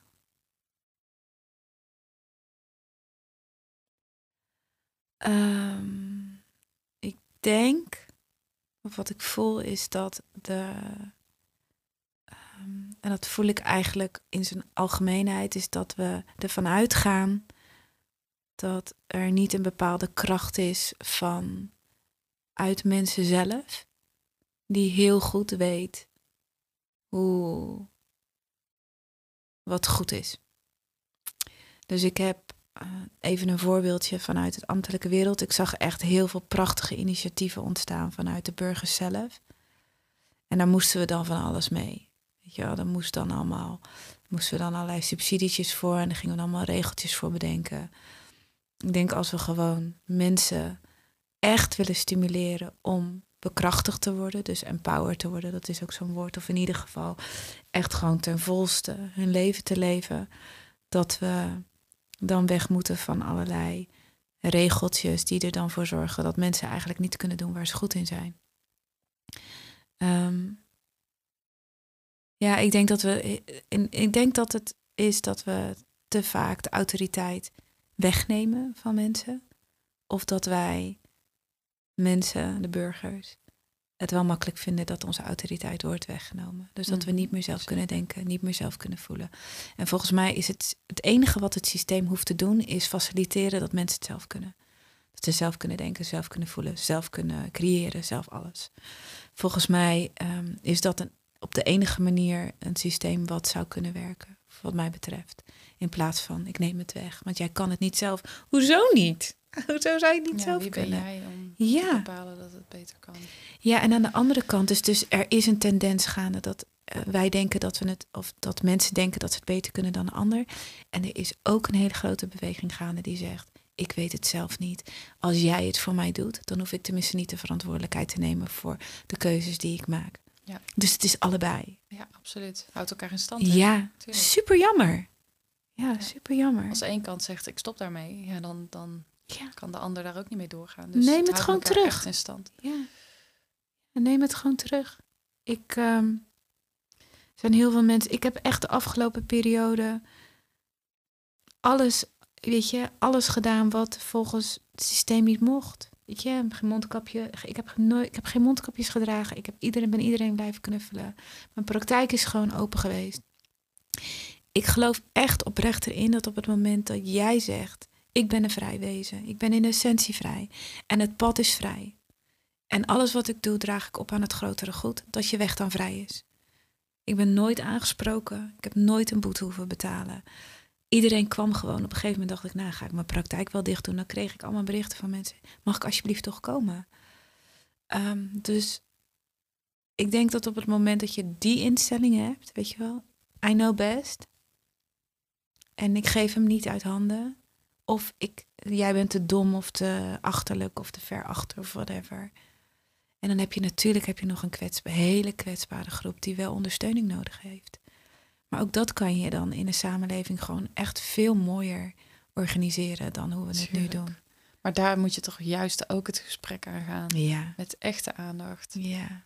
Met echte tijd om te vragen van wat heb je nou Wat nodig? heb je nodig? Help mensen dan Ja. om te, te gaan voelen. Dat, Ja. dat is dan de sleutel. Help En mensen wat te kan je nog wat zelf? Ja, wat kan je nog zelf? En wat blijft er dan over wat jij niet kan? En hoe zou je daar dan bij geholpen willen worden? Ja. Nou ja, ik merk dat er ergens nog wel een ambtenarenvlammetje zit, blijkbaar, als ik het hier zo over heb. Ja. Niet om het ambtenaar zijn, maar wel voor een betere Precies. wereld. Tuurlijk. Hoe we, dat we anders met elkaar omgaan. En op dat stukje mag je natuurlijk altijd trots zijn dat je dat Ja, het om die reden bent gaan doen. ja. Zo. Ja, dat was wel de drive. Ja, en dat, en zo doen. kijk ik ook naar de mensen die daar nog steeds in werken. Dat gewoon, Ja. nou ja, ik geloof dat bijna iedereen daar gewoon met de allerbeste intentie zit. ja, zeker. Weet ik zeker. Ja. Maar ik denk ook dat het te ingewikkeld is geworden. En dat we daardoor ook gewoon niet meer weten waar. het is zeker ingewikkeld geworden. Ja, het is toch Ja. niet meer te doen. Nee, Mensen worden slaaf van het systeem. Of je er nou in werkt of dat je er, zeg maar, klant van bent. Ja. ja. Hoe zie jij het? Ja, zo. Ja. Te ingewikkeld dat ik gewoon niet meer weet waar, waar je moet beginnen. En eh, dus ik ben blij met jouw uitleg. Dat het, dat het toch voelt alsof, er, alsof we niet alles misschien helemaal hoeven te, om te gooien of hoeven af te breken. Maar dat er wel ook gewoon sleutels zijn. En ik denk ook wel dat eh, de sleutel ook al dat bewustzijn is. Mhm. Ook als het gaat om duurzaamheid en ecologie. Ja. Dat ik denk van ja, weet je, als, als bij iedereen dat zaadje geplant is, dan is er toch ook geen varkenshouder meer die als bio-industrie blijft produceren. Nee. Dus, True. en dan hoeven wij dus niet als kleine community, hè, nog relatief kleine community, eh, maar heel hard te werken elke dag om alleen maar gezonde, goede, duurzame keuzes te maken. Omdat het is zo ingewikkeld geworden. Je weet al niet meer, moet ik nou wel of niet soja eten? Weet je wel? I don't know. I don't know. nou ja, weet je, dat, dat is ook zoiets. Ik, ehm, ik- het, het, het activeert iets in mij. Ik, ik, ben het woord trigger aan het vervangen voor activatie. Want dat vind ik leuk Mooi. klinken. Ja. Ehm, maar eh, ik heb hier, ehm, ik ben ook holistisch voedingscoach. En ik heb zo'n periode gehad, dacht ik, dan ga ik alleen maar met mensen naar voeding kijken. Maar uiteindelijk kwam ik dan toch altijd weer uit op dat je gewoon mag voelen. Het maakt namelijk, het, het- voor jou kan soja misschien werken. En voor mij misschien niet. Ja. En eh, morgen misschien wel. En overmorgen misschien niet. En dat is voor mij de sleutel van alles. Ga nou eens zelfonderzoek doen. Ga nou eens voelen. Ga nou eens bijhouden hoe je lijf reageert op bepaalde voeding. Hoe slaap ik? Hoe is mijn ontlasting? Hoe is mijn energie als ik iets eet? hey, hoe reageert mijn buik eigenlijk als ik dit gegeten heb? In plaats van, oh, mijn buurvrouw heeft dat dieet gevolgd. Ja. En zij is super slank geworden. Dan ga ik dat ook doen.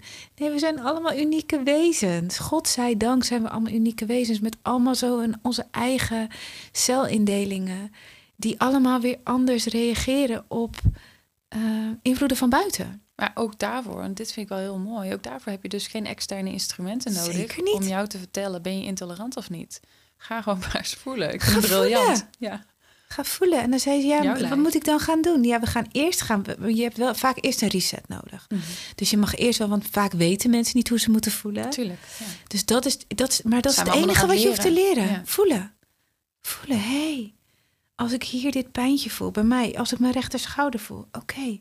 Ik weet inmiddels, dan zit ik weer te veel in mijn, dan zit ik te veel in mijn mannelijke energie. Ben ik te veel aan het doen. Waar komt dat vandaan? Nou, maar ik weet dan, oké, dat is een heel voorouderlijk ding en dat doet er niet eens zoveel toe, weet je? Maar dan, oh ja, waar kan ik weer meer mijn meer vrouwelijke energie gaan hangen? Toch vind ik hem wel heel interessant, die schouder. Ja. weet, je, weet, je wat, weet je wat over weten? Ja. Nou, ik kom sowieso uit een, uh, uit een gezin um, en een, uh, uh, zeg maar een cultuur waar de vrouwen heel veel, heel veel doen. Dus het is echt een, volgens mij is matriarchaal, volgens noemen ze het gewoon, volgens mij. Matriarchale cultuur. Dus daar zijn de vrouwen de speel van de familiesystemen. Dus er zijn eigenlijk de vrouwen die voeden alle, alle kinderen op. Dus het gezin draait om de vrouw. En dat komt eigenlijk voort dat er de mannen eigenlijk altijd in en uit gaan. Dus dat wat, als je echt kijkt naar de, zeg maar, de masculine en de feminine energy, dan is eigenlijk de man is gewoon de pilaar. Die is er gewoon present. Dat is gewoon presentness. Die is er altijd. En de vrouwen, dat is het leven. Dus die dansen daaromheen. In uh, mijn moeder en mijn vader komen beide vanuit de Antillen. En daar zie je dus dat, dat die mannen niet die presentness uh, beoefenen. Voor een groot deel niet. Dus ze komen in en uit. Ze hebben vaak verschillende vrouwen bij verschillende, verschillende vrouwen, verschillende kinderen bij verschillende vrouwen. En komen in en uit. Dus die vrouwen die hebben eigenlijk een soort van trauma en ook pijn in zich. Die man, dus die masculine energie, die is er niet. Dus ik moet hem zelf opvullen.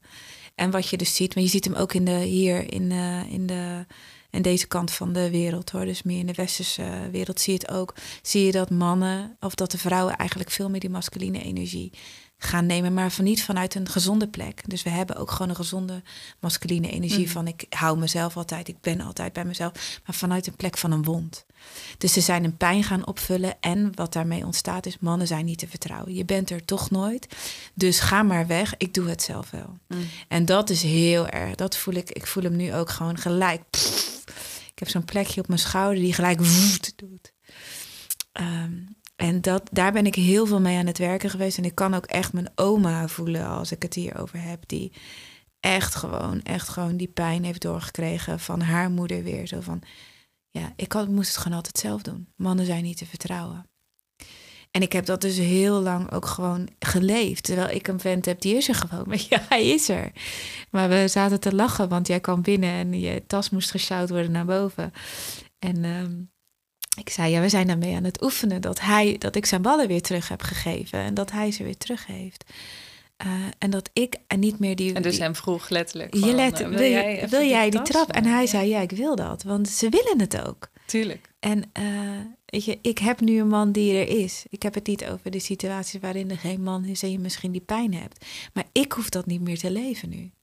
Ik kan nu gewoon die um, fijne balans tussen die mannelijke en vrouwelijke energie één in mezelf voelen en creëren. En ik kan het dus in relatie tot mijn geliefde, kan ik hem ook leven. Ik hoef niet meer. Ik hoef hem niet meer weg te drukken. Ik hoef niet meer te zeggen, ik vertrouw jou niet. Mhm. Ik mag dat patroon doorbreken. En dat kan ik dus, dus dat tot, ik ga hem even knakken terwijl ik het doe. Um,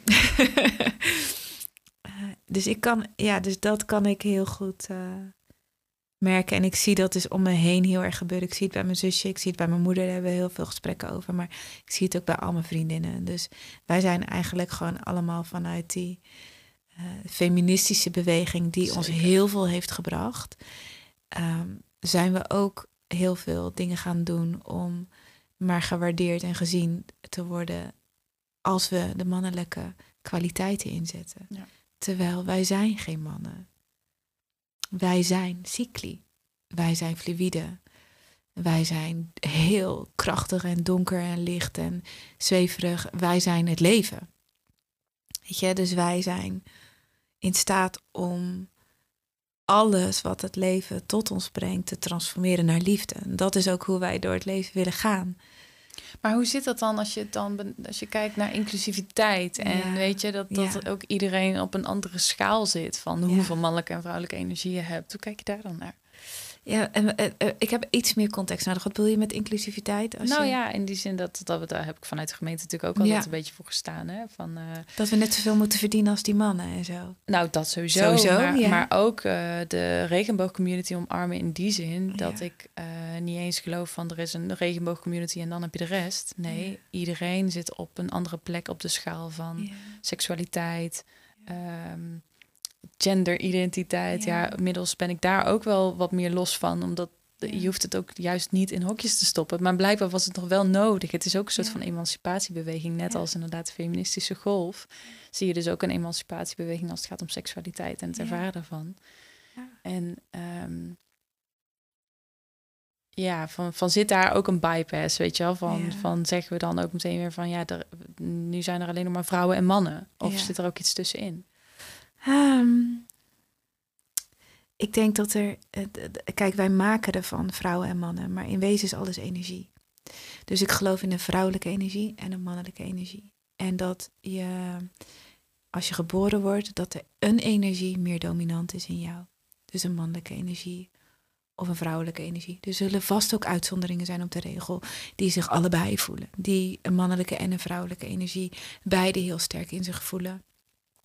Volgens mij doet het er ook helemaal niet zoveel toe. Volgens mij gaat het ook weer hierom, gaat het om voelen. Welke energie voelt voor mij het meest natuurlijk? Welke energie wil ik me het meest in bewegen? Wanneer kom ik tot meeste tot mijn recht? En eh, in de meeste gevallen is het zo dat vrouwen meer tot hun recht komen in die vrouwelijke energie en mannen meer in de mannelijke energie. Maar er zullen uitzonderingen op de regel zijn en er zullen, weet je, net als je bijvoorbeeld eh, eh, homoseksueel bent, zie je ook dat, dat iemand zich meer in de mannelijke energie zit dan als in de vrouwelijke energie. Ehm, dus ik probeer het meer vanuit het energetische perspectief te zien dan in het hokje van de mens. Dat helpt mij in ieder geval heel erg om het niet te ingewikkeld te maken. Want dan, ehm, dan kan namelijk alles. Eens. En tegelijkertijd ehm, ervaar ik ook de andere kant hoor. Dat ik eh, het ook heel magisch vind om inderdaad ook zeg maar de biologie van mijn lichaam Ja. eh, te ontdekken en te omarmen. En Ja. eh, dat ik inderdaad een baarmoeder heb die creëert. En die sowieso mij heel erg leidt in, in hoe ik leef en hoe ik me voel. Zeker. Eh, want die bepaalt sowieso gewoon de hele cyclus waarin ik leef. ja. Ehm, dus daar, da- ja, daar zit ook wel magie in. Maar Ja. Ja. ja, ook hier is het weer allebei waar. Dus Ja. doordat we vrouw zijn en doordat wij echt gewoon een heel ander menselijk lichaam hebben. Dus wij, ehm, kijk, mannen penetreren de wereld. Dus die, weet je, die hebben gewoon een penis of een lingam of hoe je het wil noemen. Die hangt naar buiten. Dus dat is penetratie naar buiten. Ons lichaam is gebouwd, onze yoni, die is inward. Ja. Dus wij zijn Receptive. sowieso receptive. Ja. Ja, dus onze wereld is sowieso veel meer donker en eh, niet te begrijpen. Alles wat wij creëren, dat gebeurt eigenlijk gewoon in het donker kamertje. En daar snappen we geen barst van. We proberen het te snappen. Het is niet zichtbaar. Het is eigenlijk alleen maar voelbaar en over te laten aan ehm, ja, magie eigenlijk. Dus wij zijn heel anders gebouwd. Dus in die zin is het wel heel interessant om dat inderdaad wel te bezien. Want wij zijn geen man.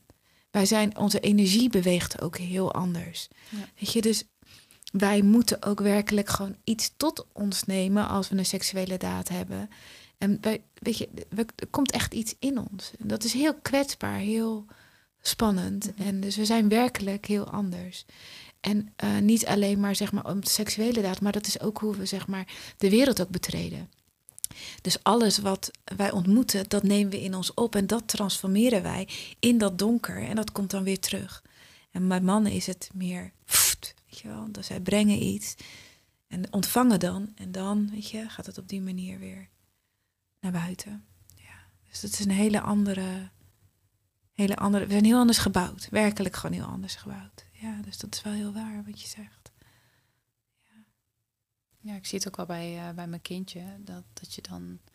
Dat vind ik gewoon magisch mooi om te zien. Hoe, hoe een papa echt het kindje voor het eerst in de hand neemt en zegt: Kom, we gaan buiten spelen. Maakt niet uit als je valt. Let's go. Ja. Weet je wel, dan ben je nog als moeder ben je nog uh, aan het loslaten en aan het leren om te loslaten. En uh, uh, wil je de geborgen haven bieden en het verzorgen en zorgen dat hij wel zijn rugzakje bij heeft of dat er genoeg luiers bij ja. van. En zo blijft dat zich soort van ontvouwen. En ja, en, en dan kan je, dan, dan zijn natuurlijk ook partners bij wie de rollen ook af en toe gewoon helemaal omgewisseld zijn. En dat mag allemaal. Ja. Maar ja, ik vond het ook wel mooi wat je zei over um, uh, ja, jouw relatie. Van hoe je dus uh, die oude pijn aan het herstellen bent. En, en in ja. jezelf eigenlijk ook de, de, vrouwelijke energie weer ruimte gaat ja. geven. En de mannelijke energie aan je man ook weer ja. meer ruimte gaat geven. En hoe dat denk ik dus ook je relatie weer kan herstellen. Ja, ja wij hebben echt denk ik wel al... Um, wij zijn twintig jaar samen dit jaar. Dus echt lang. Waarvan het grootste deel niet wakker. Of in ieder geval niet bewust bezig met... Um, zelfontwikkeling of spiritualiteit. Voelen. voelen. Voelen. Prachtig woord, met voelen. Ja. ja. En uh, de afgelopen periode hebben wij echt op allerlei vlakken hebben we nou, elkaar eigenlijk weer opnieuw leren kennen. Echt weer opnieuw leren kennen. En dit, is, dit voelt een beetje als zo'n. We hadden echt heel veel werk al gedaan. Dus ik, ik kan niet eens allemaal opnoemen, maar dat misbruik van mij is voorbij gekomen. Hij heeft ook gewoon zijn eigen dingen meegemaakt in het leven. Dus we zijn nu echt allemaal, allebei meer heel en compleet aan het zijn. En ik dacht eigenlijk dat we een heel eind waren. Tot dit stukje. En ik kom echt tot de realisatie dat, nou wat ik zei, dat ik echt zijn ballen af, afgehakt had. En dat ik het heel vaak, heel vaak overnam. Dat ik hem eigenlijk geen ruimte gaf om de man te zijn in ons gezin. En daarmee dus ook mijn zoontje een voorbeeld kreeg dat mannen eigenlijk altijd afgewezen werden. En dat de feminine energie, mm -hmm. zeg maar, alleen maar waardering kreeg op die manier van mij. Dus ja, alleen maar mm -hmm. als er gevoelens waren. En, je wel, dus dat, en ik was, ik was die mannen aan het zijn. Dus ik was eigenlijk die mannen aan het houden met hun emoties, terwijl het eigenlijk andersom uh, mocht zijn. Dus daar zijn we nu in aan het verschuiven. Maar dat gaat natuurlijk met horten en stoten. Want als je al twintig jaar eh, iets hebt gedaan op een bepaalde manier. En um, ja, nou ja, de, ik kan wel zeggen dat nu niet meer zoveel. Maar we hebben hier echt ook wel echt stampvoetend als kleine kinderen voor elkaar gestaan. En ook wel eens met koffers gepakt. En ik wil het niet meer. Ik wil niet meer uh, dat is allemaal gebeurd. Maar we hadden het er vanochtend over. Uh, doen s ochtends wandelen we altijd. En we zijn nu op een hele fijne plek. Dat kan volgende week ook wel weer anders zijn. Maar we zijn nu op een hele fijne plek. En zei ja, we hebben eigenlijk al best wel wat met elkaar meegemaakt. Weet je wel, echt ook wel. Echt ook.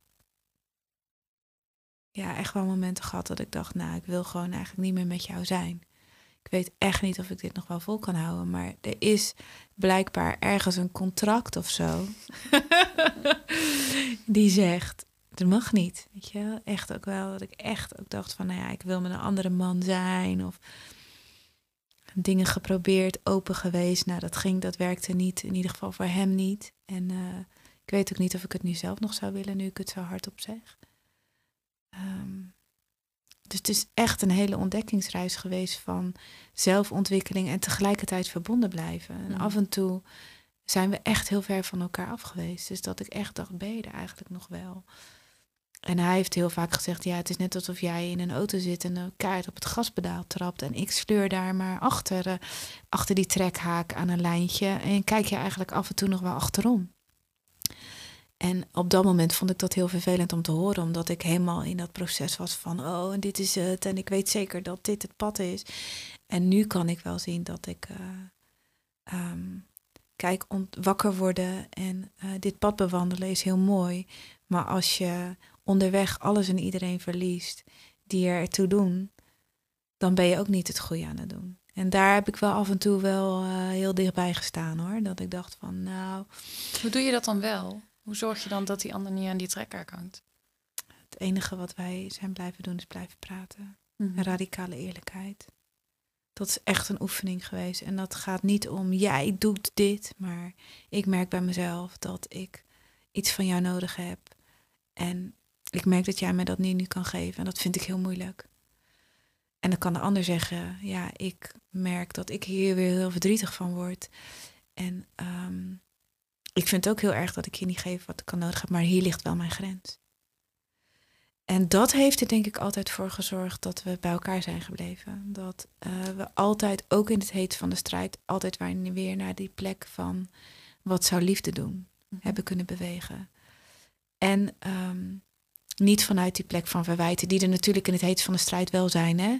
Maar dat we daarna altijd weer die sacred space hadden, waarin we met elkaar hebben kunnen zitten. En dat er ruimte was voor, hé, hey, wat voel jij en wat voel ik? En het doet mij pijn als jij dit voelt, maar ik weet ook dat ik daardoor niet hoef te veranderen wie ik ben, omdat jij pijn hebt. Ik ben hier niet om jou te fixen. Ik ben je partner. En, uh, of je geliefde. En we vinden elkaar in dat uh, we willen het samen doen, wetende dat uh, liefde ook betekent dat je elkaar wel eens en soms heel vaak ook pijn doet. Hm. Ja. Ja, misschien is dat wel de grootste les. Dat als je zegt, ik hou mijn hart open voor jou, dat dat niet betekent dat het alleen maar leuk is. Dat het echt betekent dat je bereid bent om ook te voelen dat in die interactie dat je gewoon, uh, ja, dat daar pijn bij hoort.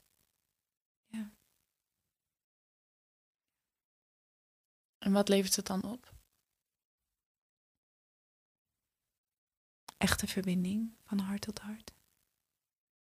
Ja, echte verbinding van hart tot hart. Dat het echt, dat het echt blijft stromen. En een fundamentele basis waar maar weinig aan te. Er moet wel heel veel gebeuren.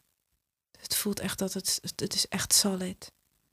Het is echt solid. Dus dat is ook veilig. Het is heel veilig. Om te kunnen doen en zijn wat je ja, wil. Het is heel veilig. Ja, het is heel veilig. Omdat we het niet schromen om het over de vervelende dingen te hebben. Ja. En, en alles mag er dus zijn. Ja. Alles mag er zijn. Echt um, alle lelijkheid. En echt op het moment, echt als het heel moeilijk is, dan, dan ja, ik wil echt niet doen alsof wij hier een soort van walhalla hebben. Dus er wordt ook geschreeuwd. Um, maar daarna is er altijd weer die veilige ruimte. Mm -hmm. Ja. Ja. Leuk gesprek. Ik kom zelf ook gewoon tot allerlei van die inzichten. Dat ik denk, ja. ja. Ja, we zijn Ja. ook al best wel lang aan het babbelen. Hoe lang zijn we aan het babbelen? Al anderhalf uur. Wow. Hoe voelt dat voor jou? Wat is, hoe, hoe, waar zijn we? Ik denk dat we uh, bij een mooie afronding zijn Ja. gekomen. Ja, Ik kijk eigenlijk alweer uit naar een volgend gesprek. Ah, leuk! ja, we hebben nog Ja. zoveel om over te praten. Echt, hè? Ja, oh, er zit nog zoveel. Alles wat we hebben aangeraakt, daar kunnen we nog helemaal diep op in. Maar Precies. dat komt vanzelf als de tijd eh, daar is. Ja, en we hebben elkaar nog telefonisch gesproken, maar dat is inmiddels een tijdje geleden. En toen hebben we volgens mij hele andere onderwerpen Ja. benoemd die we zouden gaan, die we konden bespreken. Ja, Dus dat is leuk. ja, Ja, heerlijk. Om gewoon te gaan zitten en gewoon te praten. ja. ja. Dankjewel. Ja, dankjewel dat je hier was. Dankjewel voor het fijne gesprek. Jij Ja, ook. Ik vond het heel fijn. Als mensen jou willen vinden, Oh ja. Ja, ehm, als mensen mij willen vinden, dat kan via www.leonadalia.nl of @leonadalia via Instagram. Ehm, ja, daar vind je alles. Alles. En ehm, punt. dankjewel. Ja. Ja, zo fijn. Thanks. Dankjewel. Ja. Ik moet plassen.